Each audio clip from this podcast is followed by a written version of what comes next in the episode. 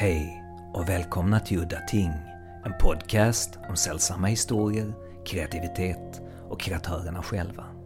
Mitt namn är Henrik Möller, musiken är skapad av Testbild och loggan till podden är gjord av Malmökonstnären Nalechinsky. Det här avsnittet ska handla om den brittisk-italiensk-ryska Lovecraftianska skräckfilmen Dark Waters. Inte nu att förväxla med den japanska filmen med nästan samma namn, utan S på slutet då. Den här filmen, inspelad i Ukraina 1993. Jag minns att när jag som tonåring läste om denna mystiska film i tidningar som Fangoria och Darkside, och jag satt och väntade på den. På den tiden var ju avståndet mellan release och reklam betydligt längre, samt att det var före internet och Sverige tog inte in ett skit av sådana här obskyra filmer på video. Jag tänkte, skulle jag någonsin få se den? Det skulle faktiskt inte dröja jättemånga år, men cirka 94-95 i alla fall, som jag hittade den på brittisk VHS-kassett och först 2017 fick jag Severin Films Blu-ray-utgåva i min hand. Men nog om det. Nu dyker vi rakt in i samtalet med filmens manusförfattare och regissör Mariano Beino om den äventyrliga vansinnesinspelningen av denna Lovecraftianska film. Inspelad i Ukraina precis efter järnridåns fall 1991. Samtidigt som man kunde få väldigt mycket valuta för sina pengar i Ukraina så skulle det visa sig mardrömslikt och kaotiskt att spela in där. Så luta er tillbaka och lyssna på en historia om filmskapandets vansinne. If we start with the script for Dark Waters, how did it take shape? The the script uh, it was a it was a series of coincidences in a way, as it always is in, in life. Uh, what happened was that uh, you know I made a, a, short film before Dark Waters called Caruncula, uh, and uh, the editor on that film uh, was Andy Bark, and we became friends, and we were talking about our shared passion for Lovecraft and uh, and you know uh, our shared passion for Italian horror movies and all that stuff. And uh, you know he had uh, a story he was working on, which was very Lovecraftian. The Lovecraftian elements is the first thing that appealed to me when I saw the articles in horror magazines back then. How much of Lovecraft's influence was in the film? The, well, the Lovecraftian elements, in some ways, were at the beginning they weren't exactly as conscious as one could think by watching the film. I mean, the fact is that obviously I discovered Lovecraft when I was a teenager. I still remember it was like a, uh, my discovery of Lovecraft was like another one of those happy accidents where when we when I was in middle school, uh, you know, I was in Naples. I grew up in in uh, in Naples in Italy, and uh, our school decided to do a school outing to go to Rome on the surface, we they were taking us to Rome to see the Pope, right? So we were supposed to go there and just go to and uh, in a way we we arrived in Rome, and then because it was Italy and because it was uh, the end of the of the of the 70s and because it was like you know that time when it was already like very you know they, they gave us a certain freedom right and they said okay you know from this time to this time you can go wandering around Rome by yourselves and do whatever you want. So so we we we wandering around Rome, and uh, you know I was always uh, an avid reader from when I you know from the moment I started to be able to to read. I learned to read. I was I, I would read everything. I would like I remember when we went to school. I have. Uh, I have two sisters and a brother, and we all almost the same age because we all have one year difference from each other. So we basically grew up, uh, go, all going to the same school, like when we were in elementary school and whatever. And at the beginning of the year, we would all get our textbooks. And I remember I would read all the textbooks of like mine and the other ones of the, my sisters and my brother. So in a way, like for me, I was always looking for something to read. So I'm, walking, I'm wandering around Rome and um, there's a, a, news kiosk, like you know, in in, in Italy, uh, there's a you know the news agents. There's a lot of kiosks that sell newspapers, but also they sell all sorts of things in Italy. Like you know, the news kiosk, you can actually get DVDs, you can get uh, uh, weird toys. So in a way, like I'm looking, and there's like some paperbacks in the window, and there's a a paperback with a cover that was like really striking. I'm looking at it and I see, uh, you know, the Dreams in the Witch House, the Italian version. It was like, uh, you know, I think it was called uh, La Casa delle Streghe, like the house, the house of the witches. So I was already very interested in all this, uh, you know, science fiction and horror things. I was reading a lot of that stuff, and also, uh, you know, horror comic books and all, the, all those things. So I'm thinking, okay, this sounds like a, you know, it looks like a great book. It's got a great cover. I'm going to buy it. So I bought it, not knowing what it was, and that was how I discovered Lovecraft. So at a certain point, then I I I bought myself like all the, the Lovecraft books I could find. And uh, so I had this thing where for a, a, whole period of my teenage years, I was reading Lovecraft all the time. And then when I met Andy, you know, Andy was a great fan of Lovecraft as well. He had a similar experience where he grew up reading Lovecraft. So in a way, I think that part of the Lovecraftian part was in some ways almost like inbuilt in us when we were coming up with ideas. Now, his original story was about, you know, he had the element of the girl going to a seaside town and finding this this uh, this uh, originally was an orb. It was like a, a big sort of like it was an object that then would call these things from the sea.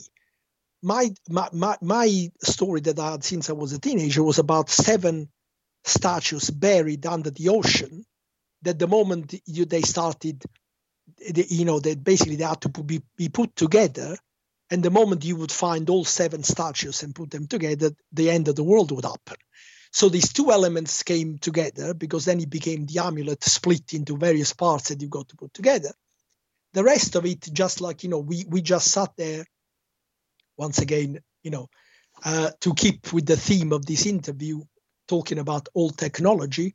At the time, I had an electric typewriter, so so we sat there, and uh, you know, uh, I was typing. Andy was uh, lived in Manchester, and I lived in London at the time.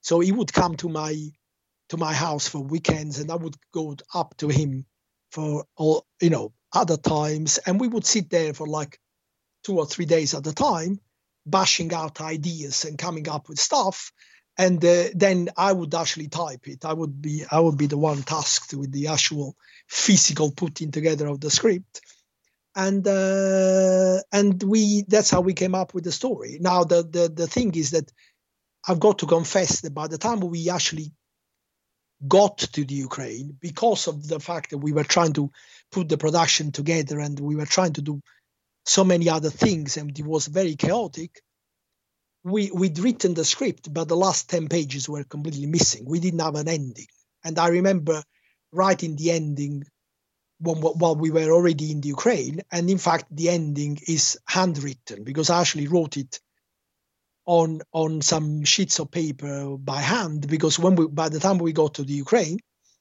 we didn't have the typewriter or anything anymore. So obviously, I had to write it down in uh, you know longhand on a piece of paper. So now you have the script. Your first short film, Caruncula, is very successful. It goes around the festival circuit. How did that lead to Dark Waters, the feature film?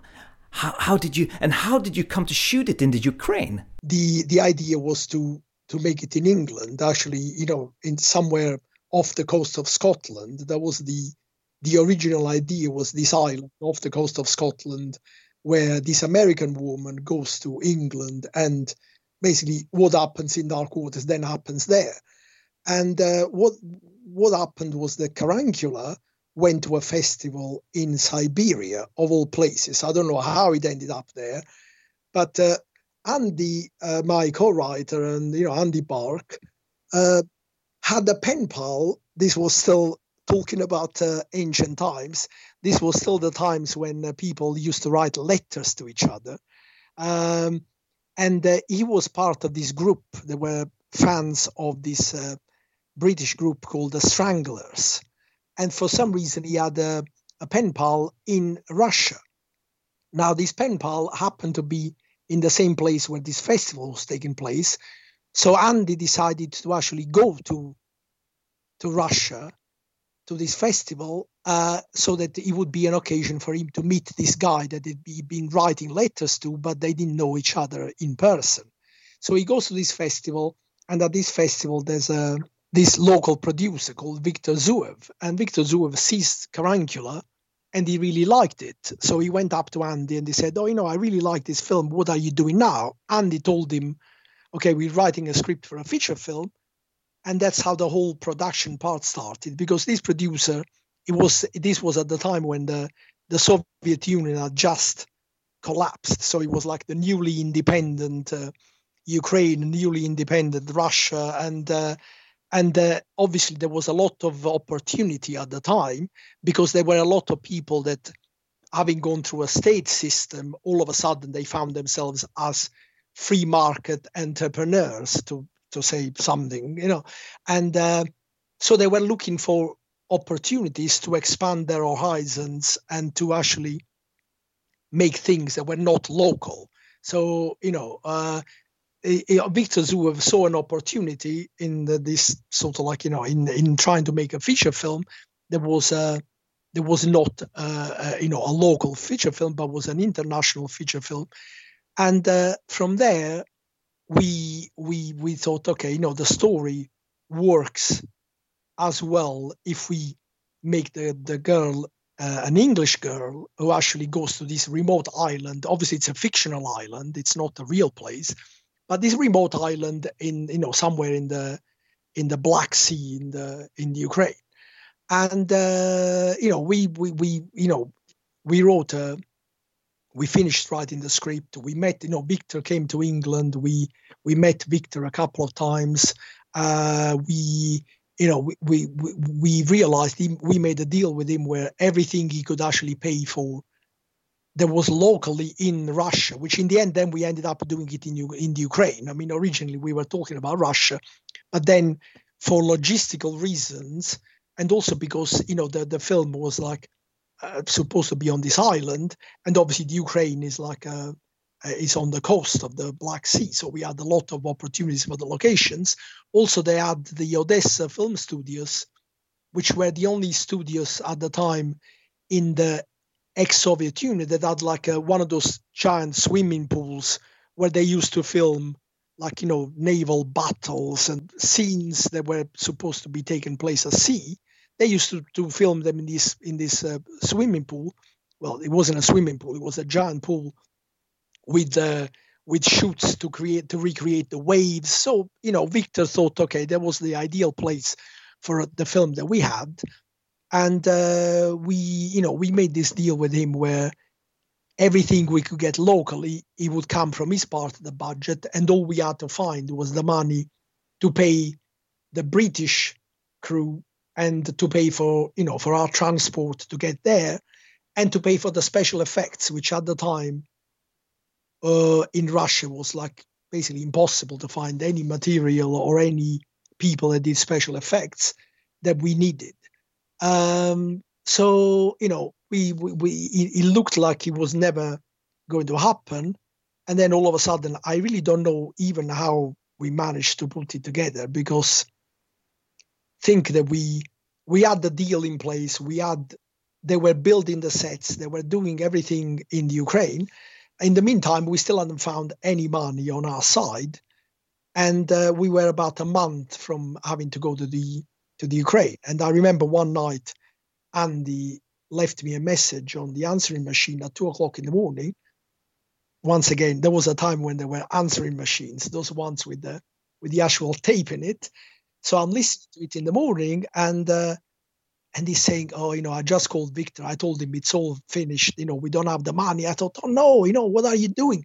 So I called him. I said, "No, no, no, you can't do that. We go, we will love, we will do it. Don't worry about it." I called Victor. I sort of sent him a fax. You know, we we're doing a weird conversation here about all technology that probably most people that are listening to this don't even know what it is. But there, there, was, there was a time when they used, they used to have faxes. It was an email. Email really didn't exist yet.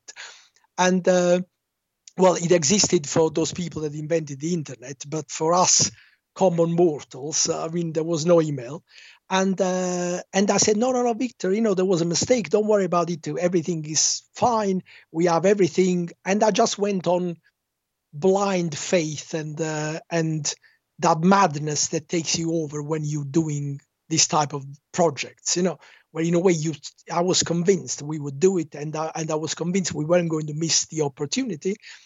And uh, by some sort of like you know, I had some contacts in uh, uh, in in Italy from my time as a you know when I was still basically a teenager. I did a, a stint as an assistant on a television program on the local television station that was a branch of the of the the RAI, you know, basically the, the Italian national broadcaster. And I kept in touch with these people, and at the time I was trying to convince them to do a series like the Italian Twilight Zone, which obviously never really happened, but uh, it, that's where my my very first short film came out of, which was Dream Car. That was supposed to be some sort of pilot for this series I had in mind. But I kept in touch with these people, and through them, I met like three, let's call them private investors. I convinced them that this was like a great opportunity. We managed to find just enough money from them to pay for the flights and to pay the small amount I was going to pay the British crew and the and the and the actors. And then talking about the actors, I had the lead actress before Louise Salter. She auditioned. I, we agreed everything. We are about ten days away from going to the to the Ukraine, and suddenly this guy calls me and says, "Okay, I'm the agent of this actress." And I said, "Okay, wait, wait a second. When I met her, she didn't have an agent and we agreed everything. Oh no, no. In the meantime, basically what she did in the meantime, she she got the part and then she thought, oh, you know, it's time for me to get an agent. So this agent started telling me, okay, no, no, no, you know, you've got to give her this, you've got to pay her this amount. I said, but listen, she knew what the situation was. And he started giving me all this uh, talk about like, I am the agent of Anthony Hopkins. I never had a conversation like this with anyone. I said, but you realize we don't have the budget. So, you know, at this point, it's yes or no. There's nothing I can do. And uh, so all of a sudden, 10, 10 days before going to the Ukraine, we found ourselves without the lead actress, which once again, in retrospect, was the greatest thing that could ever have happened because I would never have found Louise because all of a sudden I found myself with no lead actress and I'm thinking, oh my God, you know, what am I going to do? So I started literally walking around all the drama schools in London and explain the situation and say, okay, do you have any acting students or any people that are just about to graduate that want to audition for this? So I went to this uh, drama school and uh, I auditioned four people, and Louise was one of the four. And to be honest, as soon as she started, I remember I actually stopped her uh, about 10 seconds into the audition. I said, you know, listen, let's not waste time. You are absolutely perfect for this, so let's do it. So tell me, how was it shooting in the Ukraine? If you could talk a little bit about the problems you encountered shooting there. It was a different world. I mean, you know, seriously, it was a different universe. It was like an alternative reality. I mean, you know, the way of, of working, the way of living, the, the, the surroundings and the thing were totally alien to us. I'd gone there three months before to sort out all the, the, the building of the sets and me- meeting the local crew and everything. So they were supposed to be building all these sets. We arrived in Ukraine. First, you know, we first arrived. They put us on a bus. You know, we arrived in Moscow. They put us on a bus, and okay, we're going to the Ukraine. And we didn't know how long it was going to take, and we ended up being about 26 hours on this bus non-stop to get from Moscow to Odessa. We arrive in Odessa, go to the studios. Where are the sets? Oh no, no, no. They, you know, we look at all the pavilions. There's no sets in there. No, no, no. Don't worry about it. We built the sets for you much better. That actually built a lot of the sets in the actual catacombs. So they were like they were they were minuscules. They were like little caves with a set built in it, and that's you know, and it was impossible to film in there. So all of a sudden, we found ourselves with half the sets weren't there. We arrived, the cameras weren't there because at the time to get a camera. You know, at the time there was this weird peculiarity because we were still shooting on film. There was no real alternative at the time, and uh, in in the whole ex-Soviet Union, the perforations on the side of the the strip of film were on the opposite side that, than the rest of the world. So if we'd used uh, a Russian camera, because we had to do post production in England, we couldn't have done it because the perforations were on the wrong side. So the it wouldn't have gone through the machines in England. So we couldn't have developed the negative, we couldn't have printed anything if we'd used Russian cameras. So in Russia, there was only one company that had the camera that we needed. And this camera had to come from Kolchak. So I don't even remember what it was called, but it's like a remote place on in the middle of Siberia. So all of a sudden they were stopped by bad weather, even if it was July, and the cameras weren't arriving. So we, we were there for two weeks and there were no cameras and every day the the the the the, the, the Russian well the, the, Ukrainian crew would ask me, okay, what are we doing today? And I would have to point out to them every day, okay, listen, if we don't have any cameras, unless you want me to draw the film frame by frame, I mean, there's nothing we can do. So we spent two weeks waiting for these cameras. Then the cameras arrive. In the meantime, there's no sets, so we start doing the catacombs. The way they were doing the you know, I wanted the, all these flaming crosses even in the caves. And I told them at the beginning, I said, yeah, don't worry about it, we'll do it. And I thought they had a, a, a special way of doing it that obviously was no, no, no. They actually really uh, soaked some rags in petrol. Then they would put them around wooden crosses and then light the whole thing up. Now imagine in the catacombs where it's like narrow tunnels uh, you know, seriously, like about 50 or 60 meters underground, as soon as they would light these things, the the whole the tunnel would fill with with smoke, and after 10, 15 seconds, you couldn't breathe and you couldn't see anything. So we end up doing one shot, then we would all have to run out, wait for the smoke to clear for about an hour, then go downstairs again. So obviously, as you can imagine, at the beginning we were we were really doing three or four shots a day if we were lucky. So we find ourselves after two weeks of shooting where we'd made like such a small part of the film that I thought, okay, this is never going to end. And so obviously we had to adapt a lot of stuff as we were going along. Then we went to the the the, the set, you know, the the there was supposed to be the island, which was actually on the coast of Crimea. And uh, and there there was like, you know, for example, the, the little wooden horse, uh, the rocking horse that then became part of one of Elizabeth's flashbacks, was a thing that I found on the beach there because apparently the the the people that built the little the little uh, houses on the beach because you know all the houses that you see on the beach there where Elizabeth is walking around they were all built they weren't there like there was it was all a set built on purpose but the same people that had built the set just to pass the time, they'd been sculpting things in wood and whatever. And someone had actually sculpted this rocking horse, this child's rocking horse, which I saw it. I thought, oh my god, I can use this. Same with the with the skull of the cow that you see right at the beginning of the film. There was a skull that was right on the beach. I found this skull. I thought, oh my god, who left?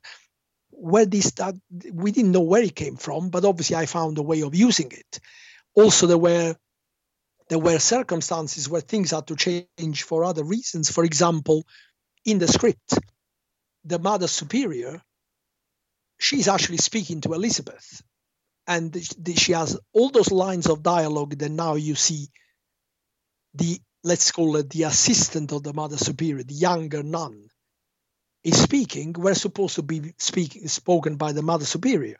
So there wasn't supposed to be anyone else in there. The problem is that, you know, we we found out just the day before shooting that the the the the, the actress playing Mother Superior, uh, Maria Kapnist, who was like a, actually a, like a a really quite famous actress, and like she's done a lot of stuff in uh, in uh, in uh, in the ex-Soviet Union and whatever. All of a sudden, arrives, and I'm trying to sort of like talk to her about the the script and everything else. And we discovered that not only she couldn't speak one single word of English, no one had told her that she had to actually say those lines. She had no idea of how she would do it. And I think, you know, my God, you know, that's it. Like, there's nothing I can do. This is going to be a disaster.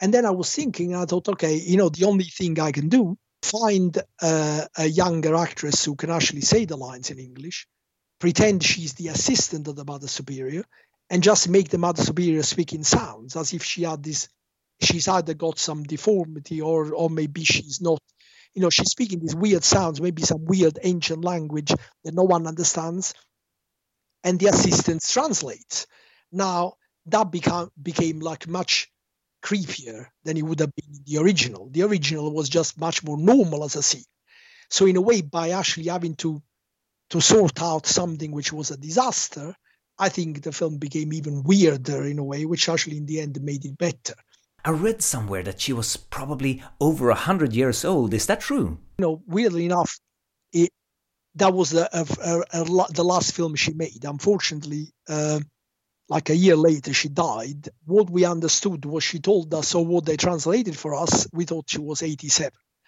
Uh, but she she she'd been around for a long time. She'd done a lot of theater. She'd done some uh, some real famous old Soviet films. And uh, and when she when she arrived, she was great. She was like a you know absolutely willing to do anything. She would go up and down the, the, the you know to go in the catacombs where they built the set. I, I don't know. I think once we we counted it, but it was almost hundred steps the up and down. You know to to go to go up and down the catacombs. So obviously she would go down, up, and whatever. She would be like totally, totally, you know, Mm, happy to, to to to to do the film. She was very happy to be working with us. Uh, and the one thing, obviously, I was worrying, and I was trying to be like, you know, I remember she had to wear these white contact lenses to to appear blind. And I told her, you know, uh, once again through the translators, that was like the the main, the real difficult part of the whole experience was that with most of the crew and uh, and all the cast, all the local cast, I couldn't communicate directly. I mean, it was always through translators, and to this day, I I don't really know what they were translating.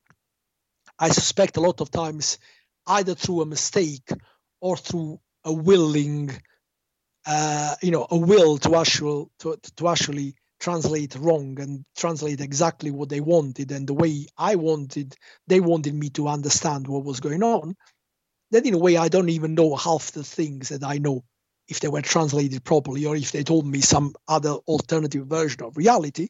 But uh, but I, I, I told her, listen, you know, I apologize. You got to wear these things; they're very uncomfortable, and you know, I mean, but we'll try and make make it as quick as possible. And she told me, "Ah, oh, don't worry about it. You know, I've been." I've been in prison under under Stalin for a long time. I mean, for me, this is like a, a walk in the park. I mean, for me, this is not uncomfortable at all. So don't worry about it which was just already shocking for me to actually have met someone that had to go through that. And also, once she was wearing those lenses, she couldn't see anything. So for her, it was like having her eyes closed. And the problem is that sometimes she had to sit there waiting for the lighting, the thing. And in a way, her brain would trick her into thinking her eyes were closed. And sometimes she would fall asleep. So we had to have someone actually being careful, watching all the time, just in case that was happening, to to wake her up and to hold her, just in case she was, you know, she would fall asleep while waiting for for, for the filming to start. But she was like p- perfect in uh, in any in many ways. I mean, she had like you know a lot of people think that her face was made up that way, you know, but you know her face was exactly like that. All the all the the the deep wrinkles, the the signs, the the the, the skin marks, the thing. There was all it was all there. You know, there couldn't have been anyone more perfect for that role. You know. So tell me, did you shoot anything in that big pool that you talked about earlier? That huge pool. Did you shoot underwater sequences, or what was shot there? Originally, when I'd gone there three months before shooting, I, you know, I'd agreed with them that because we had to do the the scene of the flooding of the church, that the church would actually be built in the pool because then we could flood it for real. But they hadn't built it yet. So they were building the church while we were filming. In fact, the church filmed that uh, the last two days that we were that we were in Ukraine. So that when you see the water bursting into the church, we actually flooded the church for real. Now the the underwater scene, instead, when you see the priest underwater, that was filmed separately by uh, an underwater cameraman, but that was filmed in the sea off the coast of, of uh, Crimea. So those shots were filmed in the actual sea, but the but the pool was used to film the the whole scene of the church, uh, so that we could actually use the chutes, the water chutes that were used normally to create the waves. We filled them, and then we we we we we let the water go against the the door that was built and it was weakened already so that the, the door would burst and the church would be flooded for real. But of course as you can imagine we could only do one take of that. So that was one case where we managed to actually find five cameras on the scene because once we we flooded the church that's it. We couldn't actually redo the, the the breaking of the door or anything because we didn't have the time or the money to rebuild it, you know. So let's talk about the special effects of the film, the monster effects. Uh, did you bring people over from England to make the special effects, or were the effects made in England and shipped to the Ukraine? And uh, how how did it work? All the parts, all the the latex parts, parts of the the monster and the head and the thing, were actually built in England before we we moved. They, you know, they, they there was two young people, seriously, they were teenagers at the time. They were special effects makers, supervisors, everything. And uh, they, you know, we, we, we, we rented a warehouse outside of Manchester because they were from Manchester. They were friends of, of Andy Bark. We rented this warehouse for a month and they, they were in there and they were building all these parts and they they sculpted them, the, the monster, they built all the latex parts. Andy came to the Ukraine a bit later than us. So in the meantime, he was still in Manchester and he was organizing the shipping of the of the monster to the Ukraine. And uh, and then for some reason something went wrong, and the, the monster instead of being shipped by air, I think to save money, uh, it was decided to actually ship the monster on a truck, so by land from Manchester to the Ukraine. Now, once again, it wasn't. it was a time when uh, yeah, there were the couriers and everything worked really well. If you were talking about England, Sweden, uh, Italy, or whatever, but in Ukraine at that point, just like there was no way of tracking anything, and all of a sudden nothing is arriving, and the thing is lost. Like they lost track of the truck, no one knew where it gone. So we're waiting, we're waiting, we're waiting, and then one day this truck arrives at the studios in Odessa and we think, oh, thank God, you know, the monster is here. We open the truck and there was a, it was full of musical instruments. And all of a sudden, what, what had happened, unfortunately, we actually found found out at the end, the truck with the monster, by mistake, had actually gone to Moscow. Because in Moscow, there was a, an orchestra that was waiting for a shipment of musical instruments and our track with the monster had actually gone to the orchestra. So they opened up the track and they found the monster. And we, op- we opened up the track and we found a, a bunch of musical instruments that were supposed to go to Moscow. So finally, they tracked down where the thing was. We sent back the musical instruments. They sent us the monster, and the monster arrived. Now, what was supposed to happen is that then in the Ukraine, they were supposed to work on all the the actual animatronic the, the mechanics of the movements of the monster. And, uh, you know, the monster was supposed to do a lot more movement than it did in the end. And to be honest, you know, part because the production was so chaotic, partly because, you know, my inexperience, I've got to confess, I didn't check properly, but I trusted the fact that in the meantime, this, these, these things were being built and uh, that by the time we would go, we would go and shoot the scene, the monster would move and would do all the things that were supposed to be do, to be doing in the script. We actually built the set with a, a, a floor that was elevated, and the floor, in fact, was like about one and a half meters from the from the ground because there was a, a, space underneath where the people that were supposed to be maneuvering all the the the mechanism and doing the animatronic and everything that to be were supposed to be hiding under the floor and move all these things. So by the time we get to the, the day of the scene, the monster is there, everything. So I'm I ask, okay, you know, show me the movements and the thing. And they confess that there's no there's no movement. They confess that they they hadn't built it. They didn't really know how to build it. They they they sort of got lost along the way, and they didn't have the courage of telling me.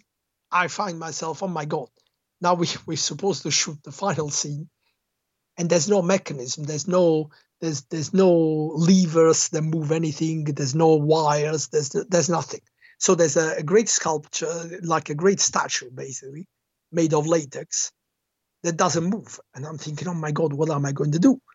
And once again, there was like a, a, a last minute accident where I was touching this these parts of the monster and the the whole chest part, obviously made, being made of latex, all of a sudden started moving. And I thought, wait a second.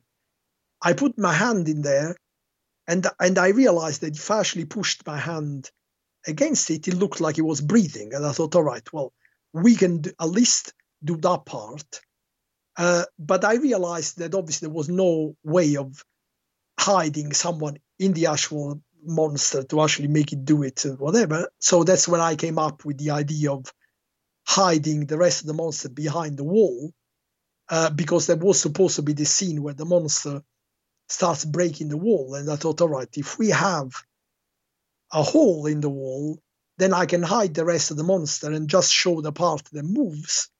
And in that scene, uh, it, that that the, the insert of the monster breathing, we had to shoot it afterwards while we were doing post production, because then for post production we actually had to go back to Moscow, and we shot one extra day where where all the see all the the scene of the monster breathing were shot in that, and it was just me. I, I, I was the only one who came back, went back to Moscow for post production. So it was me behind the wall, pu- pushing the, the body of the monster to, to to make it appear as if it was breathing. Another effect that we had to do was the burn, the burnt face of Elizabeth's grandmother when she when when she gets burnt, and then she comes out of the sea and she's all burnt. And there they did a great job, but they had to improvise because we were supposed to do the prosthetics and all those things. And then we realized we had no possibility of doing the prosthetics in the Ukraine, even if we bought, you know, we we actually brought our own material, but there were no facil- there was no way of actually doing the mold of doing all those things. So they actually built all that those effects with the tissue paper and paint, and it works perfectly. Everyone always likes that effect and they always say how convincing it is. But, you know, David Mundin, who was one of our young special effects uh, artists that we, we, we brought, he had to actually build the whole the whole thing on the actress face there and then with the tissue paper because there was no other way of doing it and the, but there was no way of doing the fake blood so you know for for a, a couple of scenes they had to use red wine to do the the fake blood because that was the only thing that we could find.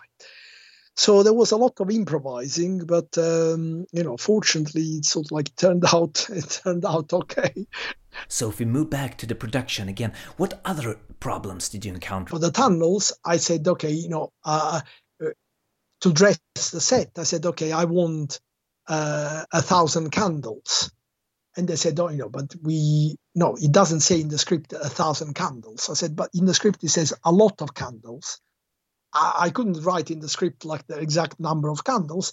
I mean, now I've seen the tunnel to fill this thing. I need at least a thousand candles, or we don't have a thousand candles. I said, but, you know, how many candles can you get? Okay, we'll see how many candles we can get. So we waited two or three days for them to find enough candles. And they, I think in the end, they ended up with about 300 candles.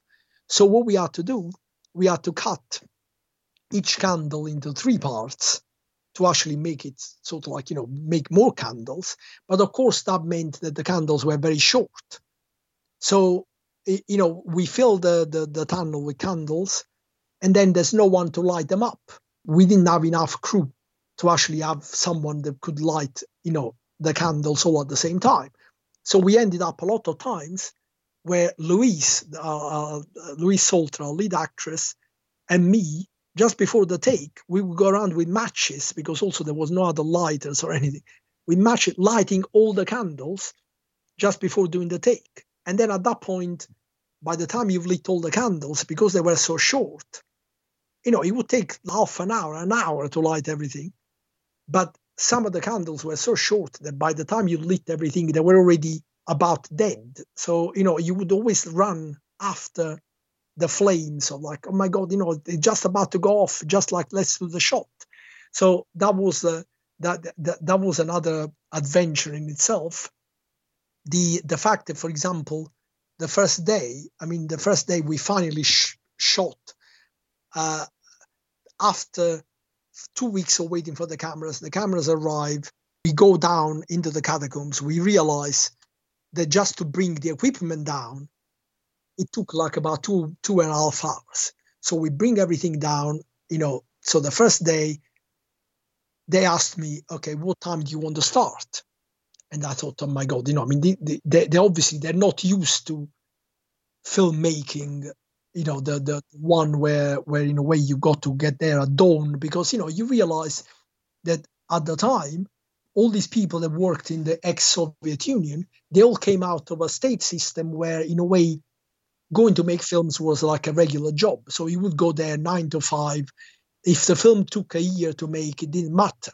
The you know the film was basically state funded you just went there to work and when the film was finished it was finished so this idea that you only had four weeks and you had to finish was very alien to them. So I thought, oh my God, you know, I mean, I'm not going to tell them too early. I'll say, okay, eight o'clock. And they said, no, no, no, but we never start before nine. I said, okay, but that's fine. Then why do you ask me? That's totally fine. Let's start at nine. No, no, no, no, no. We got to start at 9.15 because at nine o'clock, we've all got to meet at the studio then we all got to get into you know we were filming at the catacombs but they all had to arrive at the studio. Then the, in the studio they all had to get into a little bus and then they all had to come to the catacombs. I said okay that's fine. Let's do 915 but i told my driver okay because i wanted to set an example and because i totally think that you know if you are the director you should definitely be there before everyone else. You you want to show that you're working less than other people. So I thought, okay, I, I told my driver, which was another adventure himself. He was called Igor, and uh, it was completely, completely insane. I mean, the amount of times where, where we where we almost died the way he was driving, it was incredible. But uh, I told, okay, I said, Igor, listen, tomorrow I've got to be there. I want to be out outside the catacombs at 8.15. You know, they're coming at 9.15, but I'll be there first. I won't wait for everyone. So we arrive outside the catacombs, and the access to the catacombs was through a little door. There was these miles of tunnels under there, but through a little door. So I'm waiting outside this little door, and I'm waiting, and it's 9 o'clock, 9.15, 9.15, no one appears. Uh, so uh, nothing. Of course, once again, talking about old technology, uh, there was no cell phones at the time, so there was no way of calling people and say, "Where are you?" So I'm waiting and I'm waiting, and it's ten o'clock, eleven o'clock. You know what time the the the, the local crew turned up? At one o'clock in the afternoon. So I'm there, and they say, "Oh, you know, we've had the we've had the delay, you know, whatever." They were all totally normal. They thought it was it was fine. That we'd already lost about five six hours before we even started. So, okay, at this point, we start bringing all the stuff down. It took us two, two and a half hours. Then we had to light all the candles. Then we had, to, I still remember we did, you know, I was there from eight o'clock in the morning. We did our first shot of the day at 7.15 in the, in the, in the evening. So we do the first shot. Finally, we start shooting and we do a few shots. And then I, I still remember what the shot we were setting up was. There's a shot which weirdly enough is almost towards the end of the film, where Elizabeth is walking down the corridor and is going towards the open door where her mother, you know, the, where the monster is, and there's a jib, there's a there's a camera move going down to reveal a, a dead nun in the corridor. So we're setting up the jib in these narrow uh, catacombs, and we sort of like we're doing the thing, and it took like a, a while to set up the, the, the shot. Finally, everything is working. Uh, by this time, we started shooting at 7.15 in the evening. By this time, it's 10 o'clock, right? So it's only two and a half hours later. But we're about to do this shot, and the production manager comes up to me and says, okay, it's 10 o'clock, it's late, we got to stop. I said, but we only started at 7.15. And he went, well, it's late, you know, people have got to go home and like we got to stop. And I said, listen, you know, don't worry about it. You just go. We'll do it. We'll, carry on making the film by ourselves. I don't care. You know, just, okay, send everyone home. And, you know, I knew I had my my small crew from England that obviously were going to stay with me. Although he turned around and I thought, okay, you know, he, he's obviously he's obviously saying yes. He obviously so we start doing the shot, and I still remember, you know, okay, set, you know, uh, action. I'm just about to say action, and all of a sudden it goes all completely dark. And basically, what they did, they cut off the generator on on the uh, outside, and we were totally in the dark, so we couldn't do anything else. So we had to go away, and the first few, the first couple of weeks were almost every day like that, where we would end up I told you doing like two or three shots a day. And I thought, okay, this is never going to finish. We we went to the to the the, the set of the be- the beach in the Ukraine, the one in the Crimea. We start doing the exteriors. When we arrived there, once again there was we you could only access that, that location through a, a long flight of steps or through a boat. So you could only arrive by sea or going up and down the stairs. So we arrive, and I said, okay, you know, the lunch, uh, you bring the lunch to the beach because, you know, no, no, no, no, no. What we need to do when it's lunchtime, you would have to go upstairs, get into a bus, go to a town that was half an hour away, sit down in a in a in a sort of hall, some sort of like weird workers uh, place where they would serve food to like factory workers then eat, then get back in the bus, then go down to the set. And I calculated it would take at least three hours for all this exercise. So I thought, oh my God, if we start doing that, we will really never finish. So what we did, we told them, okay, we're not going to eat. Don't worry about it. You take the your local crew to to eat and do all these things, and we'll we'll stay behind and we'll wait for you. The only one who actually joined them was a, a director of photography that then would disappear as well and reappear after three or four hours. But in the meantime, we would start doing all the shots that we could. And usually we would do like between 10 and 15 shots while they were while they were at lunch. So they would come back and say, okay, now we do the, no, no, we've done it already. No, we've done it already. And that's the way we actually managed to to finish the film by actually doing shots when other people weren't looking because if we waited for them we would never have finished we originally we were supposed to have i think it was eight weeks we were supposed to have a, an eight weeks shooting schedule which at the time was was not that long because you know i mean people don't realize and don't remember there was a long part of a film uh, uh, history where especially in europe uh, you know, people had very long shooting schedules. You know, I mean, there, there was no way. I mean, it, no one would ever have dreamt of making a film in four weeks. I mean, it, it wasn't the the done thing. You know, I mean, normally we would have three months. You know, and so we we we thought, okay, you know, we were a low budget, whatever. We thought eight weeks, and that was supposed to be a short schedule. Uh, but the problem is that by the time we arrived, obviously, I told you uh, two weeks delay, so we have six weeks. Then half the sets are not built. And of course, the, the, the, the, space in the Odessa film studios had actually been rented to other productions in the meantime. So there was no space to build the sets. So what they had to do, they had to build the sets in this studio in Kiev. Now, Kiev, obviously, uh, you know, we had to move to Kiev, but in the meantime, we were shooting in Odessa. They were building the sets in Kiev, and the sets weren't ready until about until two weeks before we were supposed to stop shooting.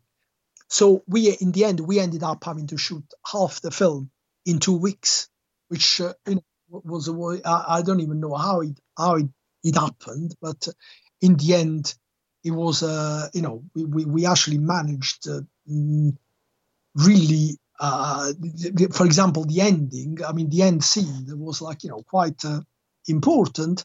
In the end we ended up the whole thing of like elizabeth getting to the cave and meeting the sister and the whatever uh, that ended up being half a day when originally in our schedule it was supposed to be three day three days for that uh, for that scene but in the end we only had half a day because the the the, the sets weren't ready until two weeks before we we we we, stopped shooting. Also, we realized when we, they took us to Kiev, we realized that uh, uh, Kiev was like very close to Chernobyl and everything was radioactive. I remember our makeup our makeup artist that was local. She was from the Ukraine. She was she was going around with a little Geiger counter, testing everything and a lot of times, the, you know, I still remember very clearly the Pepsi uh, Pepsi Cola bottles. They would always come up radioactive. When we were in the in Odessa, we were all staying uh, in this seaside hotel, which was basically semi-abandoned, but we'd taken over a whole floor. So the, the producer had actually occupied the whole floor with us, with the with the crew that came from England. So we all had our rooms in the on the top floor of this hotel, and he put a security guard, uh, you know, on our floor to guard us. Now the problem is that unfortunately, once again, the security guard was completely insane, and he was more dangerous than the actual than anyone that could have come from outside because he would actually have a gun and he would he would he would call people over and say, "Oh, do you want to shoot a gun?" and make them shoot bullets randomly in the sky outside the balcony. And one day, you know, Rick Rick Littler, he woke up because he could feel something tapping on his forehead. And it's the security guard tapping the gun on his forehead and laughing at him, trying to scare him. But it was a loaded gun that suddenly that pointed at his forehead, and it was like, uh, you know, it, it was it was total madness. Then we, when we when we had to go back to England, of course, I had to bring all the negative back to England. And once again, now, now it would be very easy to put everything on a hard drive, and that's it. You know, no one would even know. But at the time, it was a hundred cans of film, and I had to bring it all on a plane. So I arrive at the airport, and uh, they, they say, okay, you know, excess baggage. They wanted me to pay two thousand six hundred dollars excess baggage. Oh my God! I thought, no, there's no way the, the check-in said, okay, you know, how much do you have? And me, because I was like so desperate to bring the negative back, and because, you know, seriously, when you're doing these things, if you are a certain type, you realize you become completely irrational because in a way like at that precise moment for me bringing the film back was the main thing. I didn't care about anything else. So i really told her how much i had. I said oh i have a thousand dollars which was the only the only money I'd got paid for it. And so it was the only money I had in in general, in you know, everywhere. So I tell I immediately I blurt out that ah, okay, give me a thousand dollars.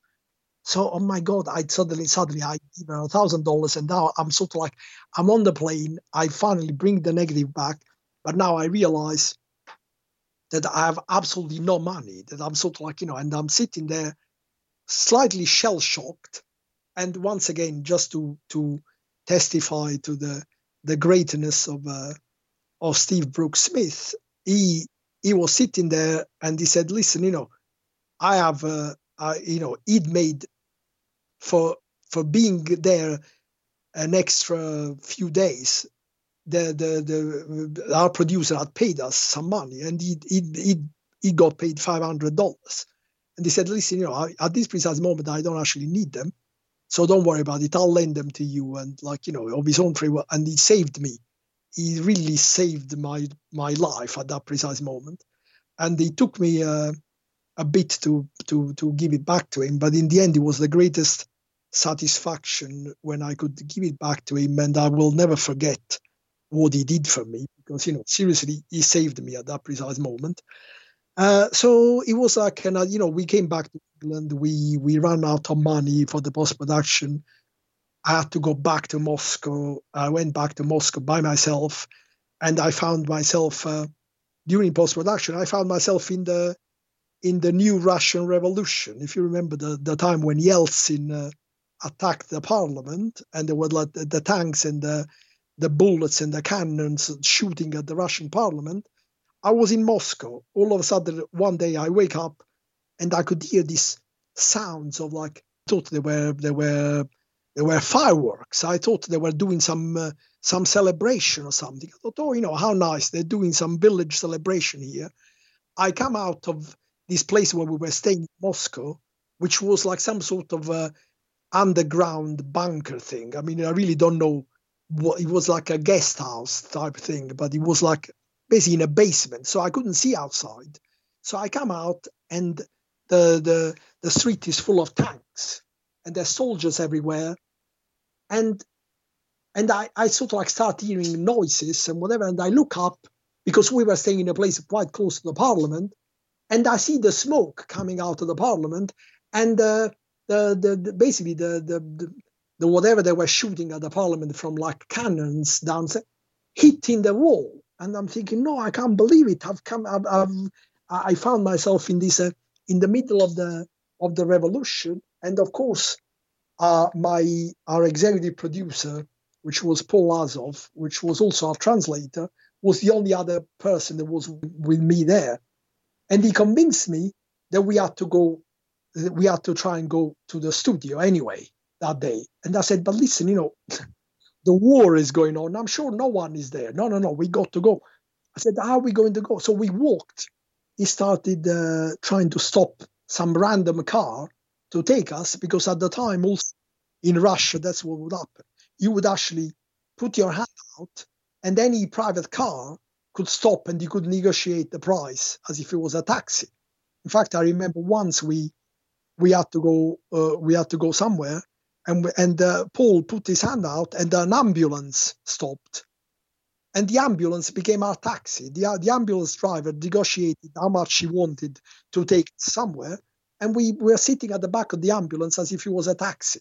So all of a sudden we we started going. We arrived at the studio. Of course, there was no one. So we we there by ourselves all day at the studio. We go back in the evening. We go on the subway. Start slowing down, and through the door I see the the station is dark and there's all soldiers on the platform with their rifles pointed right at the doors. And I thought, oh my God, if the thing stops now, and the doors open, these people are going to shoot at us. But fortunately, the train went and went to the next station, so we had to walk back with people shouting, uh, bullet uh, sounds of bullets everywhere, which I've never heard in my life before that. That's why at the beginning, when I heard them the first time outside the window, I, I thought it was something else because I, I had no idea what real bullets sound like. Because when you hear them in films, you know, I can assure you they sound absolutely nothing like the real thing. The real thing really sounds much more like like fireworks, and uh, you know, it was, it was everywhere. So I found myself in that adventure as well. You know, th- th- there's a, a lot of other things, but really, we would never end. You know. With shooting in the Ukraine, I know you got a lot of value for your money, but I've never seen a budget anywhere. Anywhere. What was the budget slated at? Well, that's the thing. I mean, it's not that it's a secret even for me, it's it's it's impossible to to to really know because you know I I, I told you uh, our deal was okay anything that was paid locally, let's say in Ukraine or Russia, came from the Russian side of the production. So very little from our side because you know seventy thousand dollars at the time was nothing. You know when when even you know at the time really a one million dollar film was a really low budget movie, you know. So uh, uh, when it comes to what they spent on on the Russian side, all I know is that we got great value for money because we could never have done what we did uh, if we'd made the shot the film in England or in America or in Italy. There would have been no way because he, he, they, we couldn't have ever, we could never have had the money. Where in Russia, I mean, a lot of people think, for example, they, they always say, oh, the locations are great. And the locations are great. Uh, but I don't know how much people realize that uh, with Dark Waters, I would say 80% of the film is actually built. 80% of the film is built sets. 80 like the whole convent, it's all it's all sets. There's no real stuff there. Uh, you know, the catacombs were real, although they were obviously dressed up and everything. But for example, you know, the Mother Superior room, it's a set. The the the the the, the shop on the on the on the island is a set. The the house of Elizabeth's grandmother is a set. The the if you see the the beach uh, that is supposed to be on the island, everything is built there. All the houses you see they're built. The the convent you see on top of the hill. A lot of people think it's a real convent on top of the hill. The reality is that it was a it was just a, a cutout. It wasn't even a built set. It was basically a facade. It was uh, just as if you'd taken a piece of cardboard and cut the shape of it and start. You know, it was a it was about 12 meters high but it was just a, a cutout, a wooden shape put on top of the hill. And you know, I think it looks very convincing, but the reality, once again, that was fake. It was a, it was built. So a, a lot of that, if we'd done that film in England uh, at the time, it would have cost us at least like five, six million dollars, which would never, we would never have had. So, you know, I always put the, the budget at around a million dollars if I calculate the whole thing or whatever, but I have no idea. Efter att ha pratat med Mariano så bestämde jag mig för att dela upp den här intervjun i två delar. Den här delen ni precis har hört handlar om inspelningen av Dark Water och den andra delen ska handla mer om Mariano själv, hans filmskapande och var han är exakt just nu med sin nya film som är på gång exakt just nu. Men mer om det får ni höra i nästa avsnitt av Udda Ting. Ja, och med de orden så var det slut för den här gången. Mitt namn är Henrik Möller, musiken är skapad av Testbild. Hej då!